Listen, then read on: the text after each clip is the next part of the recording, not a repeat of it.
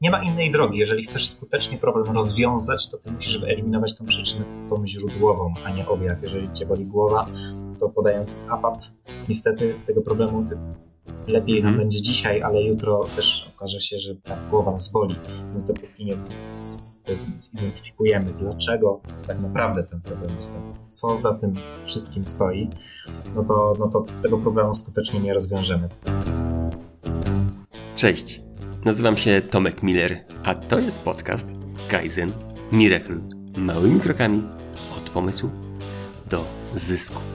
Jestem certyfikowanym ekspertem badań Master Person Analysis. Pozwalają one na wydobycie z zespołów i menedżerów najlepszych ich zasobów. Przy okazji uczę i szkolę, jak wykorzystywać małe zmiany do dynamicznego rozwoju firm. Uczę, jak aktywne słuchanie pomaga w pracy i w sprzedaży. Uczę też, jak budować efektywne zespoły. Ten podcast tworzę dla przedsiębiorców i tych, co chcą nimi zostać. Chcę, żebyś korzystając z zamieszczonych treści, małymi, średnimi lub wielkimi krokami, dużo szybciej niż dotychczas osiągał swoje cele biznesowe i prywatne. Słuchasz dalej? Serdecznie zapraszam.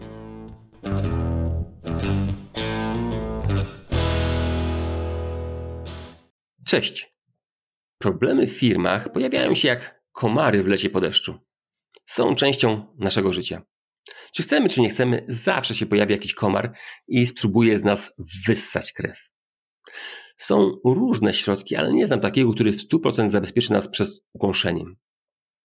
A czy można się zabezpieczyć przed problemami w firmach? Na pewno odpowiednie przygotowanie pomaga, ale czy gdy taki problem prawdziwy się pojawi, to co zrobić? Jak go naprawiać? Intuicyjnie czy robić to systemowo? W terminologii Lean jest taka metoda, która się nazywa problem solving. Jak ona działa?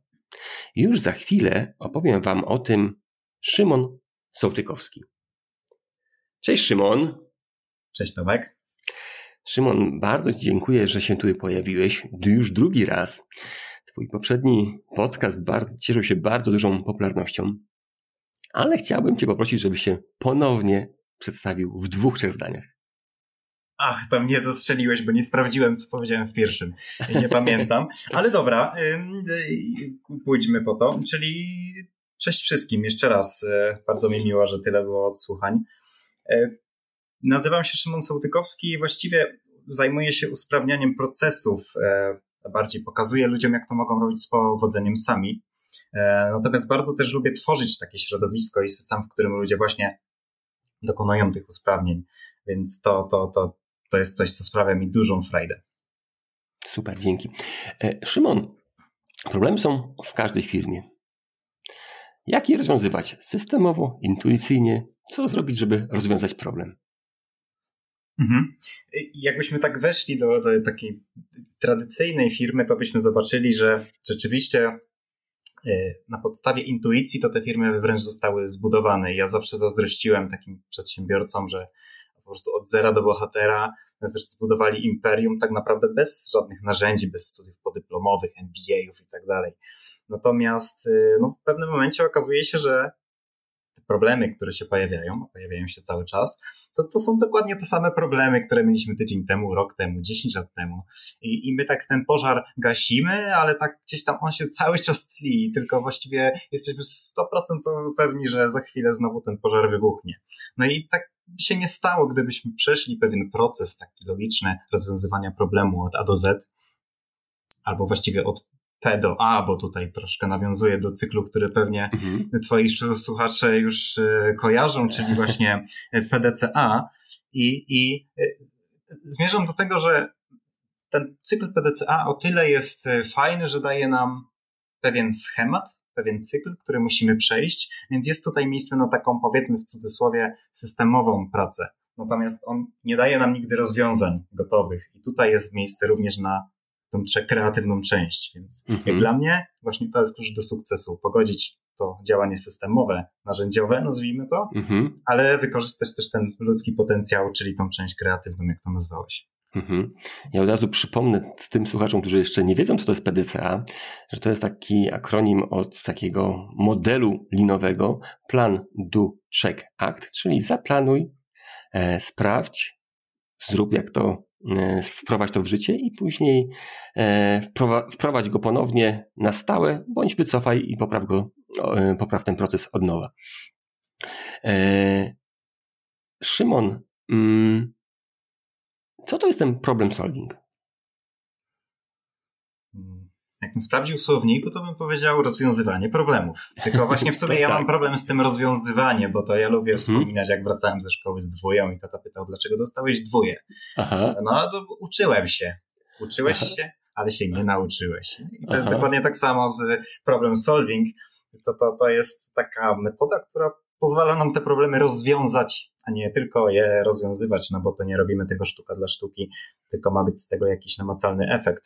Jakbyśmy tak sobie przeszli, nie będę tutaj powiedzmy akademickich y, definicji y, podawał, bo ich sam nie lubię, ale tak jakbyśmy wypunktowali, na czym to polega, to po pierwsze zdefiniowanie problemu, później trzeba znaleźć przyczynę, y, dlaczego ten problem wystąpił, wyeliminować tę przyczynę, sprawdzić, czy to, co y, wykonaliśmy, ma sens i rzeczywiście działa, a na koniec, jak się pojawi standard, to już w ogóle mistrzostwo świata, bo on nam pozwala utrwalić działania. I ktoś, kto powiedzmy łączy kropki, już widzi, że ej, czy to nie jest przypadkiem właśnie to PDCA, tak trochę, mhm. o którym przed chwilą Tomek mówiłeś.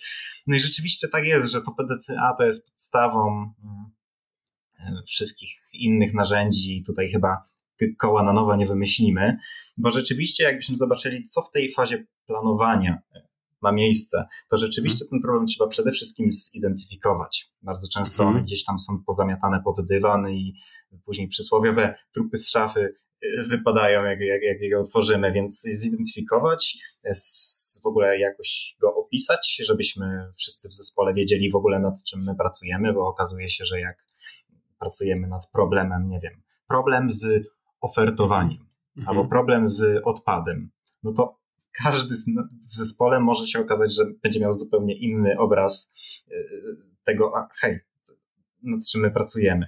Mhm. Później będziemy musieli znaleźć przyczynę potencjalną, albo z potencjalnych przyczyn mhm. wybrać dokładnie tą, którą wydaje nam się, że, że to ona jest ta źródłowa, ta pierwotna.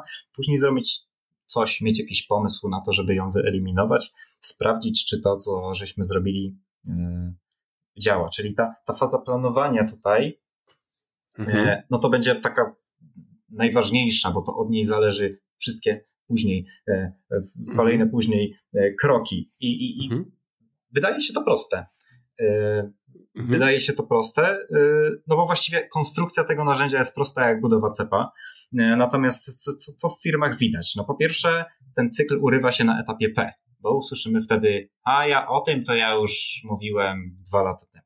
O tym, mhm. my już nawet żeśmy w korporacjach często niestety też tak, przyznaję się, w takich projektach też brałem udział, że zespół się napracował, piękne prezentacje, co to my nie będziemy robić, jak tu przeanalizowaliśmy procesy i później do szuflady ładnie, tak, mhm. dokumentacja zrobiliśmy, więc to takie korporacyjny lin niestety, marketingowy bardziej. Im bardziej kolorowe slajdy, tym lepiej. E, albo mhm. mówimy, hej, dobra, robimy, nie?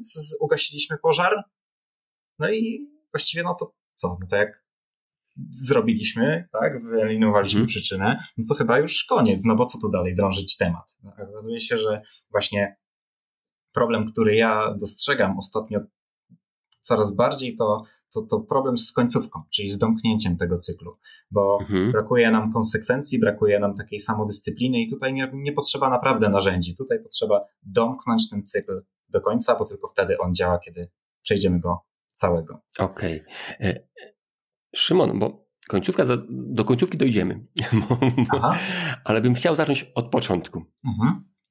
Pierwsze to jest ten definiuj, zdefiniuj problem.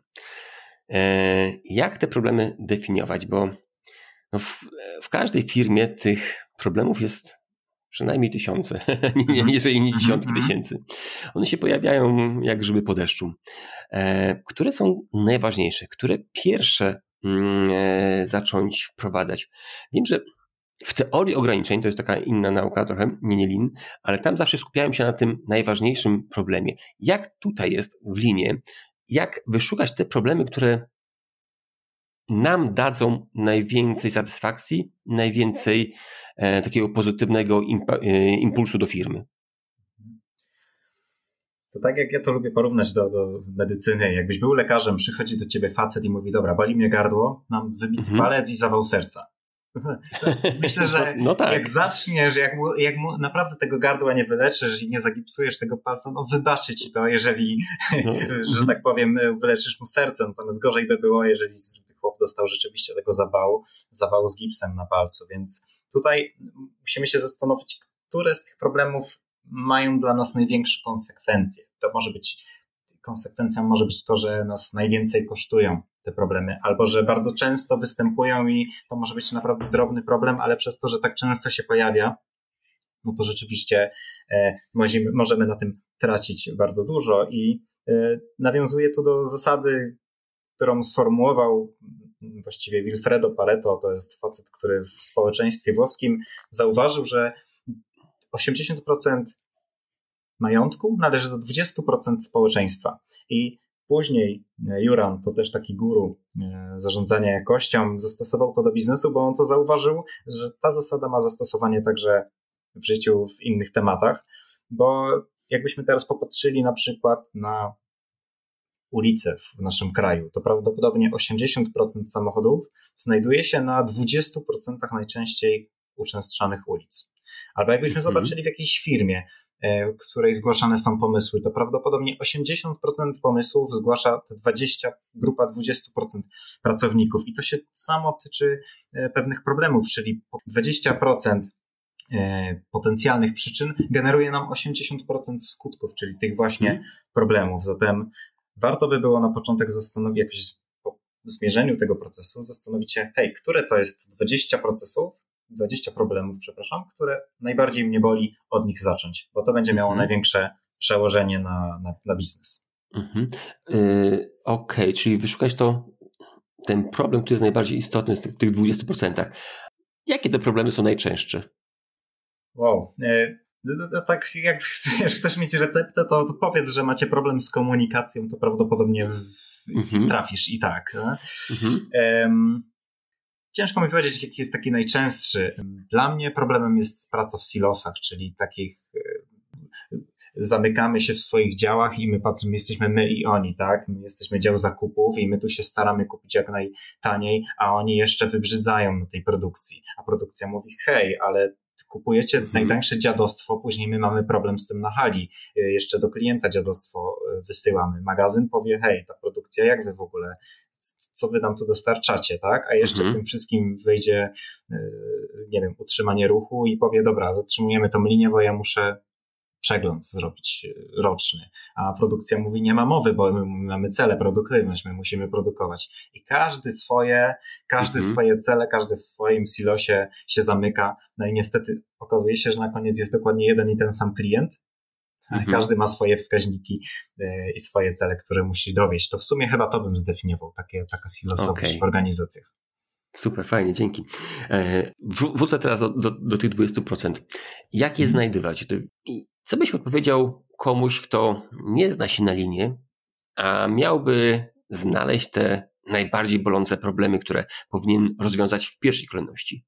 W pierwszym nagraniu chyba trochę mówiliśmy o pomiarach w procesie. Y, mhm. Mi się wydaje, że wspominałem o tej kartce, którą dajesz operatorowi przysłowiową i on po prostu stawia kreski, jak mu się pojawi problem, a później mhm. nagle, wiesz, po, po 24 godzinach zliczasz kreski i się okazuje, och, cholera, czyli to jest nasz główny problem, nie? Czyli mhm. zacząć mierzyć proces, y, bo można działać intuicyjnie, tak jak powiedzieliśmy, natomiast to w pewnym momencie przestaje wystarczać. Y, musimy wejść na jakiś taki wyższy poziom i, i włączyć, że tak powiem, problem solving wersja 2.0.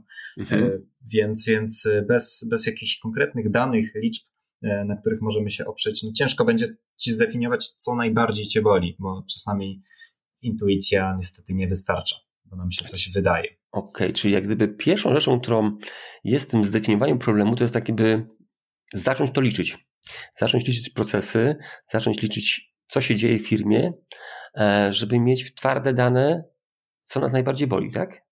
No, dobrze jest, taka jest też rola zarządzania, sterowania wizualnego, które ci pokazuje, hej, ten wskaźnik jest na czerwono, znaczy, że coś jest nie tak. E, ten wskaźnik jest na zielono, znaczy, że mamy sukces i e, świetnie, gratulacje, tak? Więc e, jeżeli, jeżeli tego nie masz, to tak jakbyś jechał samochodem bez, bez deski rozdzielczej, która ci wskazuje, z jaką prędkością jedziesz i ile masz paliwa. No, możesz wiedzieć, że na wyczucie, że aha, tu chyba muszę zjechać na stację, bo prawdopodobnie mi się skończy paliwo, ale czy zawsze ci się tak uda wykalkulować intuicyjnie? Tego nie wiem, e, więc mhm. zawsze e, takie dane, taki feedback z procesu jest tutaj no, wartościowy. Okej, okay. to wiemy, że już tam 20% z Pareto, mhm. wiemy, żeby trochę jakoś policzyć. Eee, jak ten jeszcze ten problem definiować? Który jest największy, który jest e, co jest źródłem problemu, jak, jak, jak, to, jak to w firmach poszukać? Żeby zdefiniować problem, to jest takie narzędzie bardzo proste 5W plus 2H. Bardzo mhm. łatwo znaleźć w goglach, y, polecam. Mhm. Gdzieś czytałem kiedyś, że to jest metoda, którą używają dziennikarze w Stanach, którzy jadą na miejsce zdarzenia i oni mhm. mają taką bardzo prostą formatkę, żeby zadać pewne pytania i żeby się nie okazało, że wrócą do redakcji bez jakiejś kluczowej informacji, tak? Żeby mhm. zebrać wszystkie, e, wszystkie dane. I to samo pozwala nam e, opisać e, problem. To jest nic innego jak odpowiedź na takie podstawowe pytania, co jest problemem, kiedy to się wydarzyło, kto ten problem wykrył, mhm.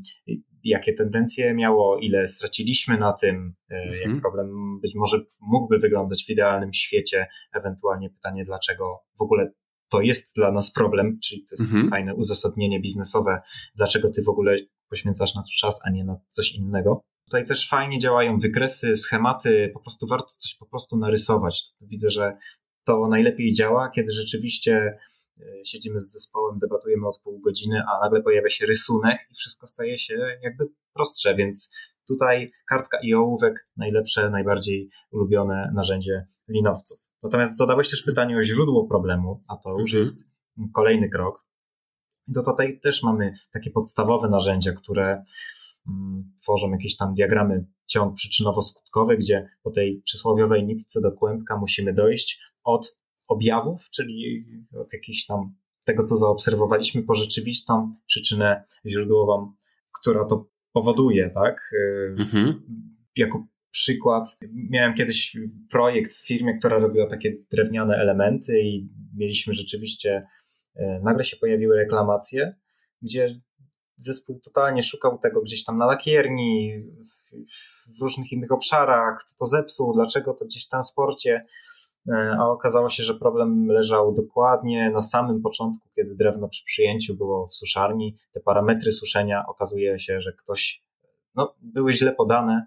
E, pracownik mhm. to zrobił według dokumentacji, która nie do końca była dobrze przygotowana, e, więc okazało się, że przyczyna leżała zupełnie, zupełnie gdzie indziej. Zresztą Inny przykład, taki też namacalny, bardzo częsty, kiedy dostało się magazynierowi, to już inna firma, dostało mhm. się magazynierowi z nocnej zmiany, że nie pościągał palec z produkcji.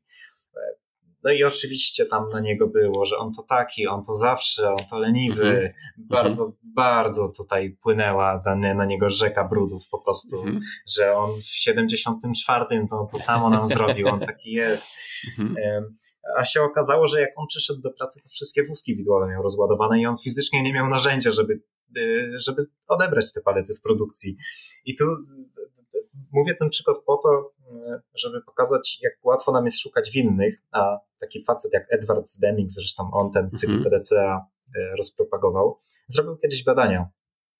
I wyszło, w rezultacie pokazał, że 85% problemów w firmach, a później chyba to zaktualizował do 95% nawet, mm, pochodzi z, z błędnie zaprojektowanego procesu, a nie z błędu ludzkiego. Czyli teraz okazuje się, że jak my na pojawiający się problem szukamy winnego, czyli zadajemy pytanie nie co jest przyczyną problemu, ale kto zawinił, to my mamy 5% szansy na sukces. Więc no, niezbyt, niezbyt rozsądne. Także to jest myślę, że ważna zasada e, w, w, wśród tych wszystkich narzędzi i metod, żeby szukać przyczyn niewinnych. Swoją drogą jeszcze jeden przykład może, bo wiem, że mm -hmm. przykłady, ale tak. taki na, na takie nieszablonowe myślenie, bo czasami nam się wydaje, że da się coś zrobić podkręcając kurek w jednym miejscu na jednej maszynie, a się okazuje, że w ogóle totalnie cały problem leży gdzie indziej. Kiedyś w projekcie, również inna firma, kilku konsultantów było zaangażowanych i cel był prosty, podnieść produktywność, wiadomo, to co właściciele firmy -hmm. najbardziej.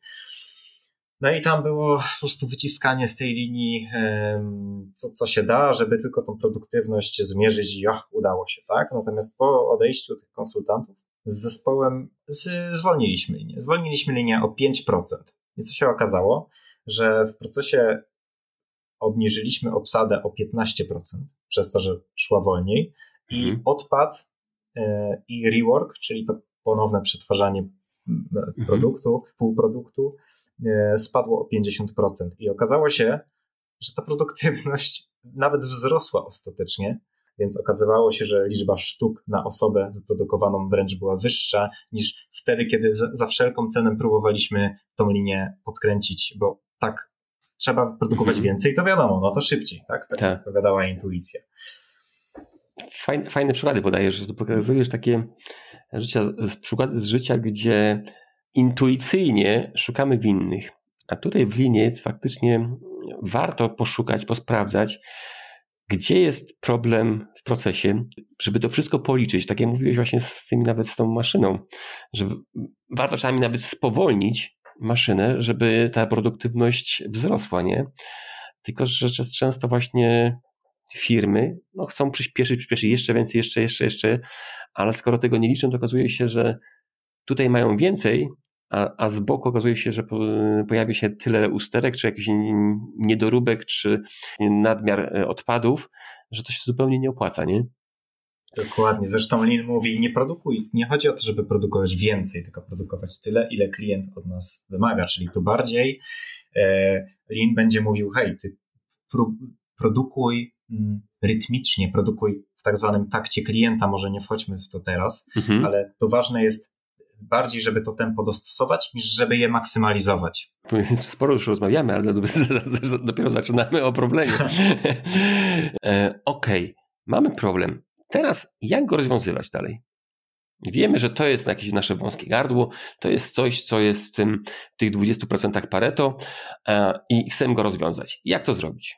Wiesz co, testować hipotezy e, i im więcej ich przetestujemy, tym lepiej, bo okazuje się, że siedząc gdzieś tam na Excelu albo w grupie w sali konferencyjnej i debatując, co by to było, jest mniej efektywny niż po prostu jakbyśmy zeszli i spróbowali to zrobić, jakiś prototyp. Jeżeli możemy coś zrobić z kartonu, z trytytki tak zwanej, to po prostu to zróbmy i przetestujmy, e, jak to działa. Wiesz, to tak naprawdę ważniejsze jest dla nas, e, ważniejszy jest dla nas progres niż to, lepiej być dzisiaj lepszym niż byliśmy wczoraj, niż żeby być mistrzem świata za tydzień. To tak w sumie dość kajzenowo zabrzmiało, mhm. ale w sumie dobrze, że to wybrzmiało, bo to kajzenowy podcast, a, a zresztą to jest jedna z zasad kajzen. Zresztą ty o tym wiesz najlepiej, mhm. że nie, nie szukaj rozwiązań idealnych. Jeżeli możesz po coś sięgnąć teraz, to po prostu to zrób. E, zrób mały krok, jeden i to będzie cenniejsze na dłuższą metę niż gdzieś tam będziesz się pół roku szykował, żeby zrobić jeden wielki skok. No bo to niestety, niestety nie działa, więc takie no, zastanówmy się, co mamy. Mamy stówkę w kieszeni, tak? Przysłowiową. I co za tą stówkę możemy zrobić? Bardzo często wtedy właśnie ta kreatywna część, o której wspomniałeś na początku, mm -hmm. buzuje. Hej, a może Aha. tak, może tak. To jest właśnie mm -hmm. fajny etap. Mm -hmm robić prototypy, tak? Prototypy, e, testować, mhm. sprawdzić. Jeżeli testować. uważasz, że, że możesz zmienić formularz na stronie internetowej i więcej ludzi zapisze się na, mhm. na, na newsletter, wybierz grupę testową i po prostu to zrób, sprawdź. Bo tak to, wiesz, można szukać badań naukowych na wszystko, ale Mhm. Tylko, e, Szymon, mam wrażenie, że wiesz, w biznesie każdy się śpieszy. E, I tych prototypów to ludzie kurczę, nie, nie za bardzo mają czas na, na, na, robienie tego, bo chcą, żeby mieć, mm, mieć wyniki od razu, żeby mi się polepszyło. A tutaj mówisz, żeby testować prototypy. Niby tak, niby fajnie, ale kurczę, ja się śpieszę. Ja chcę, żeby ten mój y, jak najwięcej klientów obsłużyć. Nie mam czasu na błędy. Co robić tutaj? Czy po prostu tak zahamować i mówić, kurczę, jednak troszeczkę wolniej, ale skuteczniej? Mhm.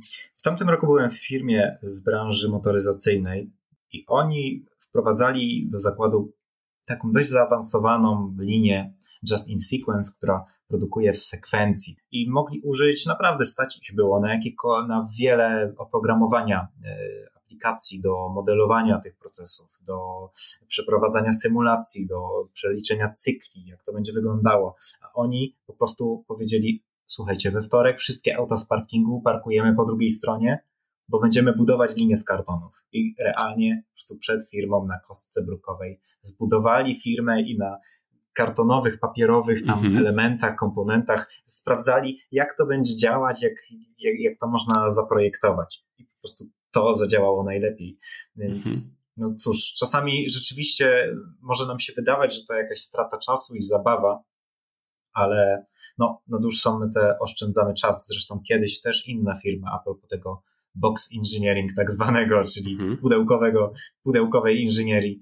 Mm, no, były w AutoCADzie rozrysowane layouty, gdzie też miała powstać nowa linia, ale zespół wpadł na pomysł, żeby jeszcze na tej hali ją postawić. No i zarząd wtedy się dziwił, hej, no ale po co przecież tutaj firma zewnętrzna, mamy kalkulacje, mamy wszystko wymierzone, zwymiarowane.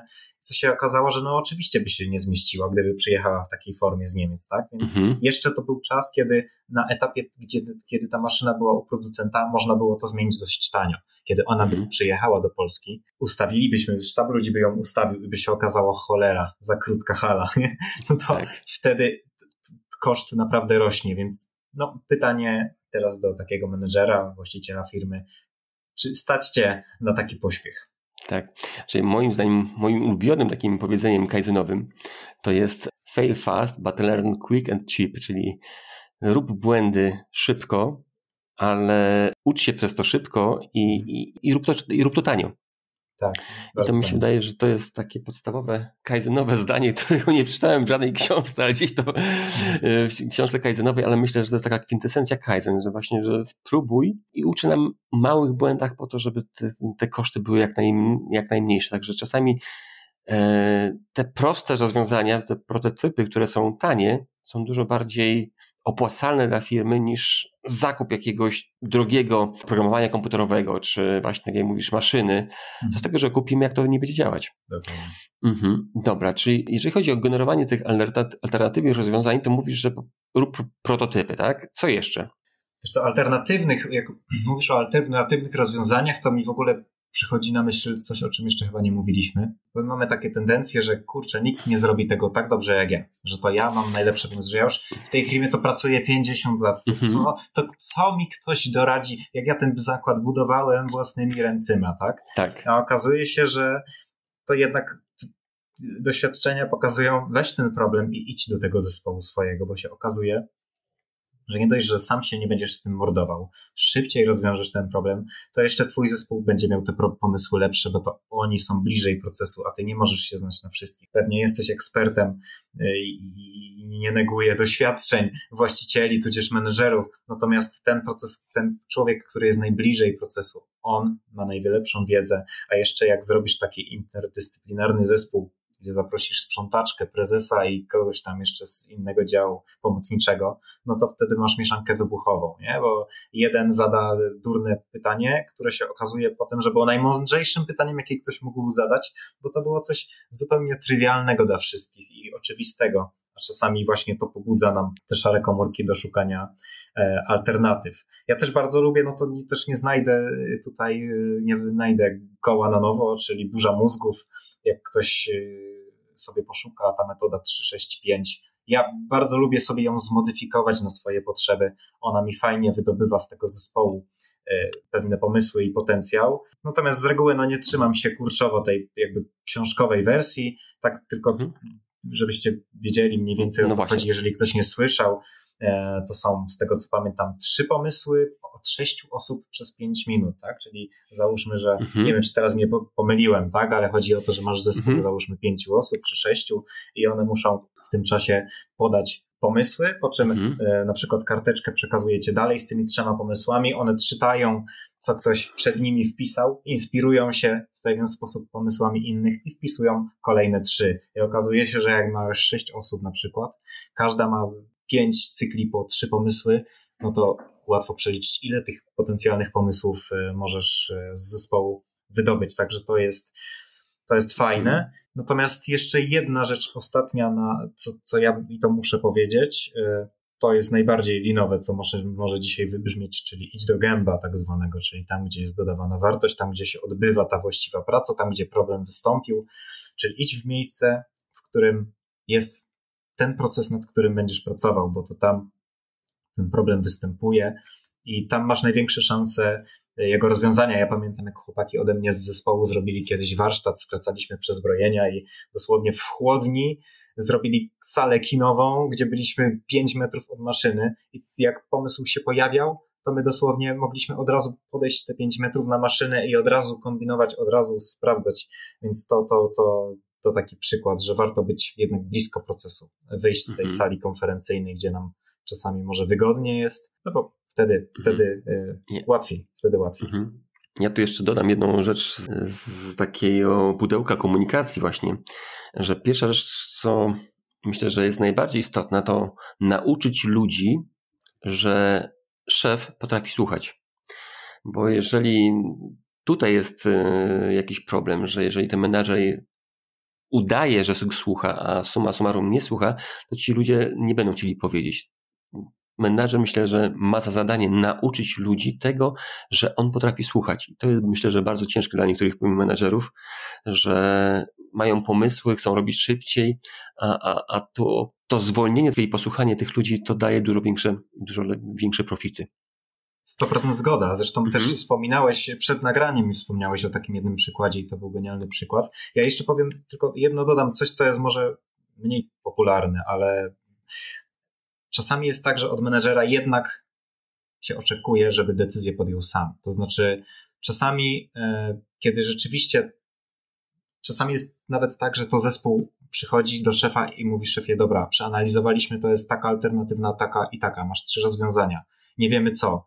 I wtedy, jeżeli ktoś będzie gdzieś tam się wczuje za bardzo w rolę moderatora, facylitatora, tak, coacha, to będzie zadawał pytania, będzie próbował jednak z tego zespołu wydobywać, a to mhm. zespół wtedy odczekuje, hej, stary, ale zrobiliśmy kawał roboty i my oczekujemy od ciebie, że, że ty nam pomożesz, mhm. że ty właśnie, to jest ten moment, kiedy ty weźmiesz odpowiedzialność za to, co my robimy e, i, i powiesz, roz, wybieram bramkę numer B. I jak mhm. wybierzesz kota zonka, trudno, wrócimy się i wybierzemy jednak inną bramkę, ale to jest ten moment, kiedy ty masz podjąć decyzję, a nie zespół, więc tutaj myślę, że sprawny menedżer, nie mam na to, szczerze mówiąc, metody czy tam mhm. procedury, mhm. ale sprawny menedżer to już chyba z doświadczeniem przychodzi, mm, wie, kiedy nie wziąć na siebie na barki decyzji pod tytułem, czy ma być mydło w toalecie waniliowe czy kwiatowe, mhm. E, ale, ale jak jest decyzja rzeczywiście strategiczna, to, to nie wchodzi w tą rolę coacha, tylko rzeczywiście mówi, robimy to. Śmiało, gratuluję, jedziecie mhm. dalej. Czyli tutaj przeszliśmy chyba do trzeciego, trzeciego punktu, jak wybierać mm, to rozwiązanie, czyli mhm. Mm, podpytać ludzi, e, sprawdzić, co, jakie mają pomysły, poszukać tych pomysłów, no i jako menadżer szybko zadecydować, co robimy, prawda? Mhm. Natomiast to też zależy. Myślę, że zależy nad, nad czym zespół akurat e, pracuje. Dla mnie istotnym jest to, żeby się nie zamykać przede wszystkim na alternatywy, bo to nawet tak w życiu prywatnym czasami widzę i też po sobie widziałem nieraz, że miałem opcję A i opcję B i tak kurczę, się zastanawiam, czy to A, czy to B, czy to A, czy to B. E, e, mhm. Zawsze staram się gdzieś tam zapytać kogoś, bo po pierwsze może ktoś już ten problem rozwiązał i może wyważam otwarte drzwi zapytać kogoś, kto wiem, że ma dobre intencje i przede wszystkim jest to osoba, która nie na każde moje słowo kiwa głową i po to, żebyśmy się lubili, to nie powie mi, że głupio wybieram, tylko rzeczywiście powie mi wprost prawdę. Takie osoby są no chyba najcenniejsze w biznesie, które mają jakąś taką odwagę mm, dać, dać, dać feedback wprost i powiedzieć, co o tym myślą. Więc, więc rzeczywiście z, po pierwsze nie zamykanie się na alternatywne rozwiązania. Czasami warto na przykład, to jest też zresztą metoda taka odwrócenia, ale poprzez odwrócenie, czyli chcesz zwiększyć produktywność, zwolnij linię. No zupełnie nikt by tak hmm. nie mhm. powiedział. A, a, jednak to zadziałało, więc czasami okazuje się, że zupełnie nieintuicyjne rozwiązanie e, będzie najlepsze. Natomiast też, e, jak już jesteśmy przy takiej menedżerskiej robocie, to ja też e, bardzo uważam na to u siebie, bo jeżeli decyzja jest trudna, to się zawsze pojawiają jakieś emocje. I żeby, ja też kiedyś robiłem takie tabelki, plusy i minusy danego rozwiązania i jak dla mnie to nie działało i mhm. mi to nigdy nie pomogło, szczerze mówiąc, decyzji. Ja sobie wolę wypisać w jednej, e, e, w jednym miejscu emocje, które to u mnie powoduje, nawet jeżeli to jest jakieś nie do końca, to, to, to jest dla mnie, tak? To jest kawałek mhm. papieru, który ja później zniszczę, ale wyrzucam to z głowy, a z drugiej strony wpisuję takie logiczne, suche fakty, które są związane z tą decyzją. I to mi pomaga w pewien sposób nabrać dystansu i powiedzieć, hej, to racjonalnie rzecz biorąc, jakbyś tak miał mhm. mądrość, yy, mądrością się wykazać, no to jednak nie słuchaj tego, co ci mówią emocje, tylko podejmij, to wybierz drugie rozwiązanie, tak? Więc to takie dwie rzeczy, mhm. które, które ja u siebie yy, zawsze pilnuję, żeby, żeby, żeby ich nie, nie, że tak powiem, nie, nie mhm. przestrzelić z decyzją. Okej, okay. a wiesz co, to fajną, fajną, fajną metodę chyba masz. Jak to robisz? Bo mówisz, że starasz się na kartce wypisać i emocje, i, i fakty, tak? I rozumiem, że sprawdzić, które są emocje, które, które rzeczy, które ci wydają są twoimi opiniami, a którymi są faktami, tak? Mhm. To znaczy, ja robię dokładnie w jednej kolumnie, jakby wcielam się w taką rozdygotaną szesnastolatkę, która Aha. jest po prostu pełna w emocjach i ojejku, jejku, co ja tam, co mi serduszko podpowiada. A z drugiej strony staram się być takim dziadkiem, takim mędrcem, który wiesz, siedzi, drapie się po brodzie i mówi, dobrze, no to tak, tak. To, tutaj wszystko wskazuje na to, że wiesz, staram się prawdziwe rzeczy po prostu, nie, nie opinie, tylko realne fakty, takie nie, nie, nie, coś, co nie podlega dyskusji, tak, czyste, czyste fakty. I kiedy sobie oddzielę te emocje od, mhm. od logicznych argumentów, no może tak, no to wtedy łatwo mi y, spojrzeć trochę z dystansu. Oczywiście te emocje to nie jest tak, że każdy je ma i, i tutaj trochę przerysowuje, natomiast to nie jest nic złego, tak? Emocje mhm. są też bardzo ważne i też po to je wypisuję, żeby się im lepiej przyjrzeć. Okej. Okay. Ale to no. chyba tak bardziej w prywatnych decyzjach. Dobrze, e, to teraz e, co robimy dalej? Mamy e, problem, mamy jakieś alternatywy, no i już zaczynamy działać, coś wprowadzać. Mhm. Co robić dalej? Zaczynamy wprowadzać, zaczynamy działać, więc testujemy sobie te hipotezy, o których powiedzieliśmy. Um, Najlepiej liczyć, prawda? Rzeczywiście, e, jakbyśmy tak e, weszli w, w głąb, mm, to na etapie planowania warto jest sobie ten proces zmierzyć i w pewnym sensie wyznaczyć cel. Czyli jeżeli e, problem jest, że mamy tych reklamacji 50 w tygodniu, no to zmierzyłem sobie proces i ja mówię, dobra, spróbujmy to zrobić, całego świata nie zbawię, spróbujmy, żeby było o połowę mniej. Mhm. Wtedy rzeczywiście, jak wprowadziłeś pewne rozwiązanie, wyznaczyłeś sobie cel, to sprawdzasz w etapie check, czy to rozwiązanie rzeczywiście przybliżyło cię do celu. Jeżeli zmniejszyłeś, ale o 10%, nie 50%, mhm. przechodzisz do fazy planowania, szukasz kolejnego rozwiązania. No i właśnie klub polega na tym, żeby jak najwięcej tych cykli yy, wykonać. Okej, okay. dobra, to ja tak przypomnę chyba taką swoją historię, że w jednej z książek e, czytałem, to jest metoda czarnej skrzynki, o takiej mhm. doświadczaniu w firmie, która robiła urządzenie do granulowania proszku, proszku do prania. Mhm. I tam miałem, żeby ten proszek był tak, jak teraz mamy mm, w, w, no, w sklepach, to dzisiaj mamy takie granulki. Kiedyś tego nie było, kiedyś był taki, taki, taki piasek był. I żeby te granulki stworzyć, to trzeba było jakąś taką rurę zrobić, która odpowiednio te granulki tworzyła. I na początku robili to, robili, zadanie dali fizykom, żeby to obliczyli. No ale ta metoda za bardzo się nie sprawdziła. Później zrobili tak, że zrobili 10 rur i sprawdzali, która z nich jest najbliższa ideałowi. Znaleźli naj, tą najbliższą ideałowi, jeszcze tą najbliższą ideałowi jeszcze raz sprawdzali. I jeszcze raz sprawdzali. I w takich rur zrobili ponoć około 450, aż stworzyli rurę, która jest, była naprawdę dobra, ale to robili właśnie tak e, eksperymentalnie poprzez praktykowanie tego w życiu, a nie tyle teoretycznie przez matematyków, fizyków, bo to nie zawsze się sprawdza. Ta, ta intuicja, nauka nauką, ważne to jest, ale ważniej to jeszcze, żeby to sprawdzać na żywo, nie? Mhm. Bardzo fajny przykład, dokładnie, dokładnie tak to działa. Zresztą, no właśnie, bo my, często kończymy ten cykl PDCA i na końcu jest to akt, czyli tak działa już w ten mhm. sposób, zrób sobie jakiś standard.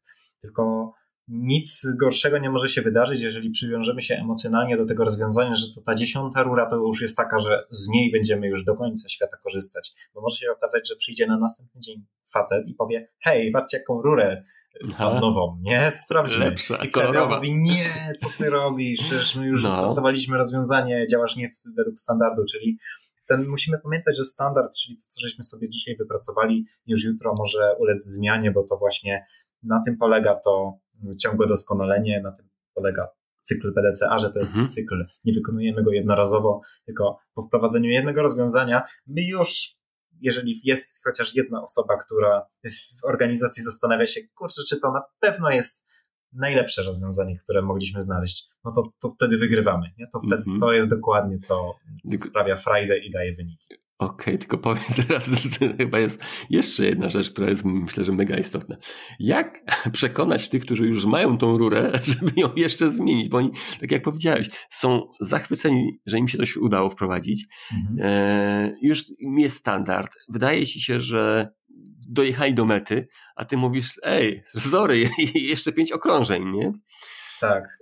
Dobre I... pytanie, dokładnie. Y, bo to jest trochę tak, że my problemy, z czym się kojarzy problem? Jako coś takiego złego, trochę wstydliwego, mm -hmm. trochę o, że tak najlepiej, żeby szef nie wiedział, bo jeszcze mnie zwolni. W mhm. Toyocie się mówi no problem is a problem, czyli jak ty dzisiaj nie zgłosiłeś żadnego problemu, to znaczy, że hej, to, to, to ty nie jesteś w stanie nawet zauważyć swoich problemów w firmie. To jest mhm. największy problem. Więc tutaj taka kultura organizacyjna nastawiona na to, że na, na wy, identyfikowanie, w sensie sposób ujawnianie tych problemów, a później ich rozwiązanie, to to jest rzeczywiście bardzo trudne, ale, ale, ale to, jest, to jest bardzo ważne. A jeszcze jeden taki element to po prostu świętowanie sukcesów. Lubimy tak. na te problemy narzekać. My mówimy, o Jezus, ile to tego, ile tych problemów, albo Jezus, jak nam ta sprzedaż spadła. Ale kiedy zrobimy ten cel sprzedażowy, kiedy jest fajnie, no, no to dzięki chłopaki. To, to jest wszystko, co, na co nas stać wtedy. Więc jeżeli ktoś rzeczywiście przyjdzie z tym problemem, powie, słuchaj, no zmierzyłem, no aż, aż tyle było tych zacięć tej maszyny, nie? To jest bardzo, bardzo duży problem u nas na produkcji.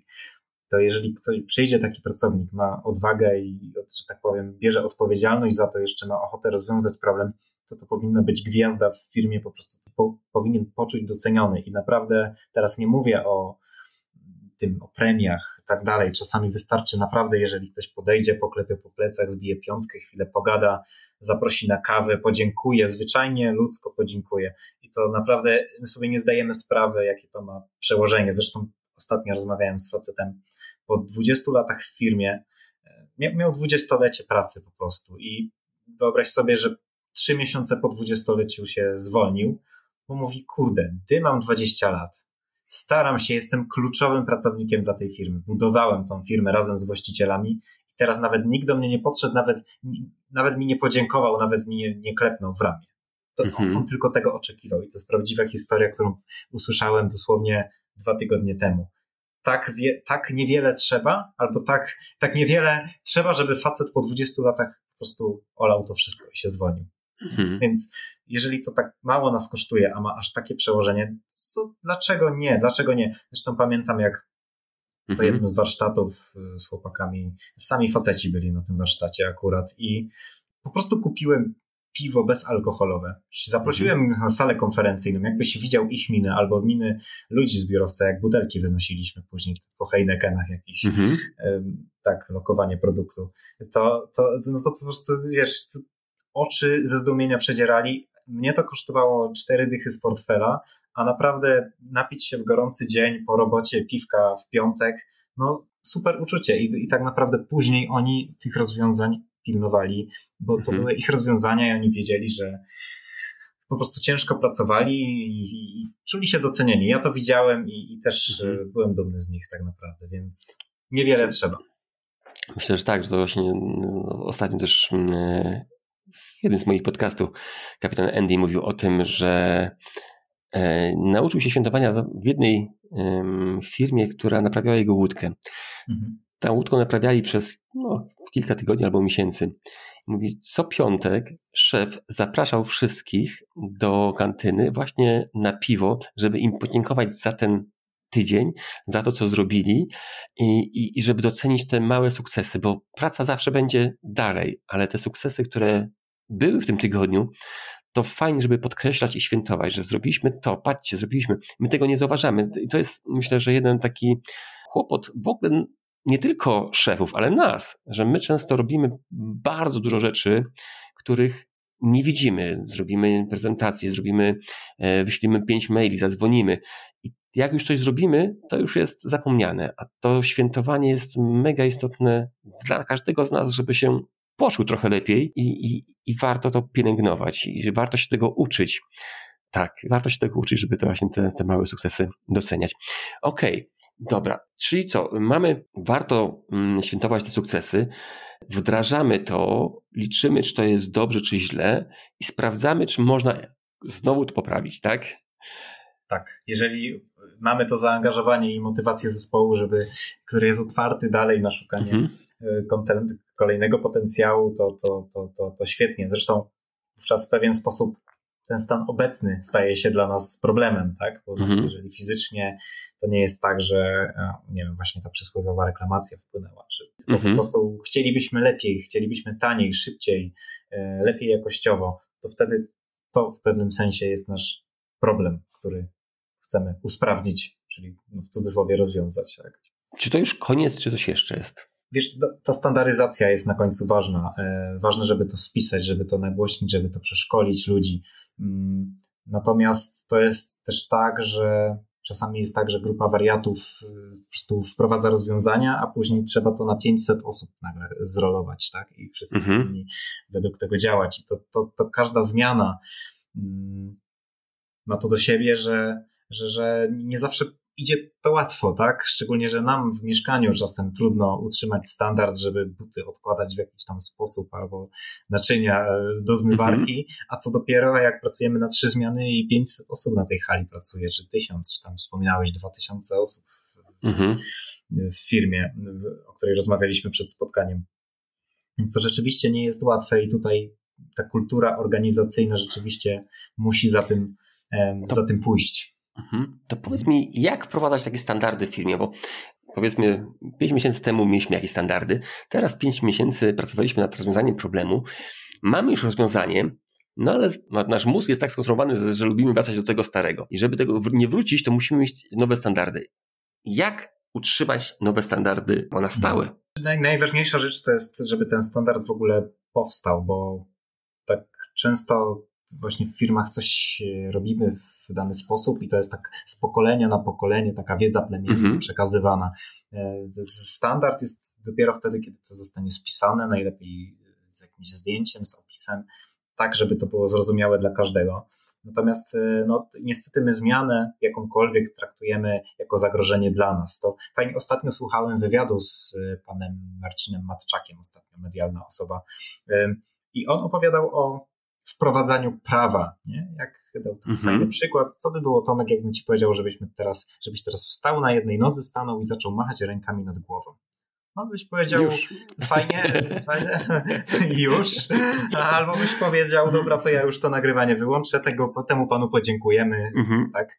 Natomiast jakbym powiedział, co sądzisz o tym, że praca siedząca jednak nie wpływa dobrze na zdrowie, że ruch jest ważny, że może warto by było, żebyśmy czasem robili przerwy sobie w pracy, żeby trochę gimnastyki wprowadzić, to prawdopodobnie wywołałbym dyskusję i sami byśmy doszli do wniosku, że może zróbmy sobie teraz chwilę przerwy i zróbmy krążenia ramion albo staniemy na jednej nodze, żeby koordynację poćwiczyć. No i zupełnie, niby, niby jednak to, niby to samo, ale jednak zupełnie inny przekaz. I mhm. dokładnie tak samo my wyglądamy, kiedy schodzimy na halę produkcyjną i my mówimy ludziom, hej, słuchajcie, dzisiaj będziemy robić diagram Ishikawy, który pozwoli rozwiązać wasz problem. To oni patrzą na nas, jakbyśmy stali na jednej nodze i mhm. machali rękami po prostu nad głową, jak na wariatów. Bo oni mhm. zupełnie nie rozumieją, po co to jest, co, skąd ty się, z której choinki się urwałeś. Mhm. Więc y, tutaj spokojnie, tak? Y, im, Im bardziej ludzie świadomi y, i, i bardziej są świadomi tego, po co my to robimy i wiedzą mniej więcej w jaki sposób my będziemy te problemy rozwiązywać, w jaki sposób te standardy wyglądają, to tym później mamy większą szansę na sukces.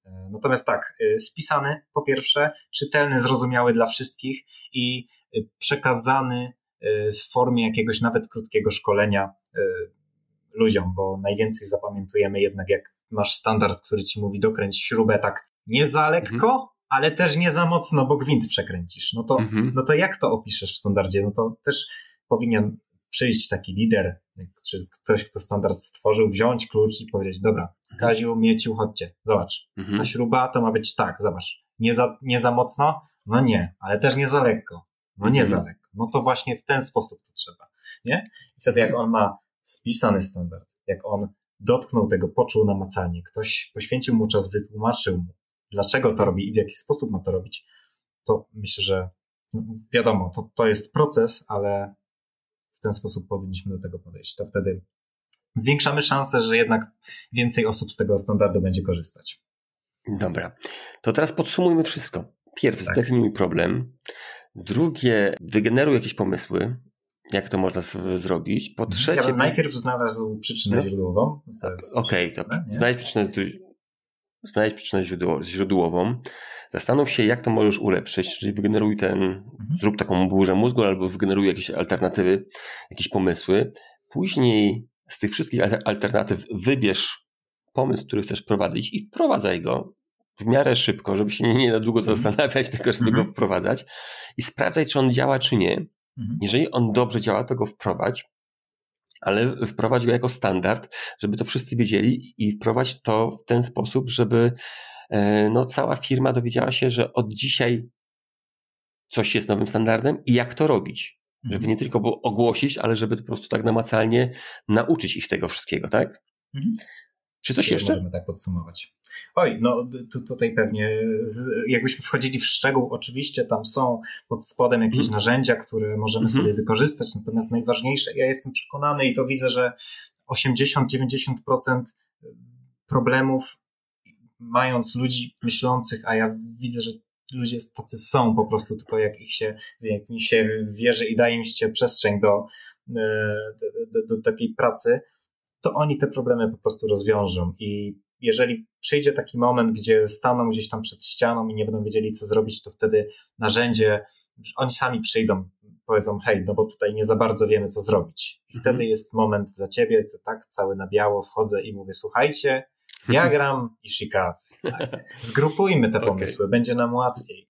Czy są miejsca, gdzie ten problem solving e, działa lepiej, czy są miejsca, gdzie działa gorzej? Czy to masz coś takiego, takie obszary z doświadczenia?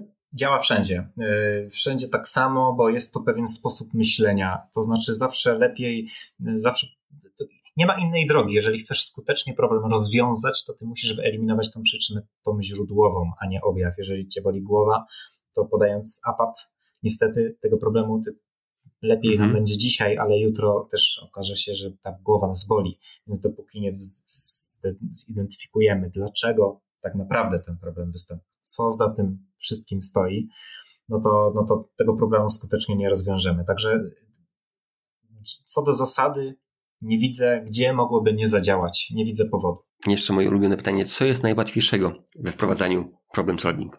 Najłatwiejszego. Wiesz co, to, to ogólnie jest łatwe. To ogólnie jest łatwe, bo y, tak naprawdę opanujesz ten sposób myślenia, y, zrobisz jakiś taki, przejdziesz ten cykl powiedzmy z kimś, kto już to kiedyś robił raz i po raz kolejny już prawdopodobnie będziesz mniej więcej wiedzieć. Więc y, ja myślę, że odrobina teorii i działamy. Nie trzeba kończyć studiów, żeby to rozpocząć. Szymon, będziemy kończyć. Bardzo dzięki za poświęcony czas, za to, że tutaj dzisiaj się ponownie pojawiłeś i za dużo wiedzy, którą przekazałeś. Powiedz jeszcze, gdzie Ciebie można znaleźć? Znaleźć mnie można pewnie jak większość osób y, na LinkedInie. Myślę, że to będzie najlepsze, y, najlepszy kanał, jak do mnie dotrzeć. Super. I jak Ci się podobał ten odcinek? Jeżeli coś Ci się spodobało, to szybko weź długopis lub telefon i zapisz to sobie. Wiesz, tak żeby nie zapomnieć. Pamięć ludzka jest ulotna. I na koniec trzy informacje. Jeżeli chciałbyś ze mną porozmawiać, to zapraszam do kontaktu. Najczęściej znajdziesz mnie na LinkedIn albo napisz do mnie poprzez mail tomekmiller2 małpa gmail.com A jeżeli podoba Ci się ten podcast i chciałbyś zostać jego patronem, to zapraszam na stronę www.patronice.pl ukośnik Kaizen Miracle. Chciałbyś docenić to, co robię? Postaw mi wirtualną kawę. I ostatnia wiadomość. Jeśli chciałbyś dowiedzieć się coś więcej o Kaizen, to zapraszam do mojej książki Kaizen jak osiągać wielkie cele małymi krokami. I tyle na dziś. Niech Kaizen da Ci moc. Cześć!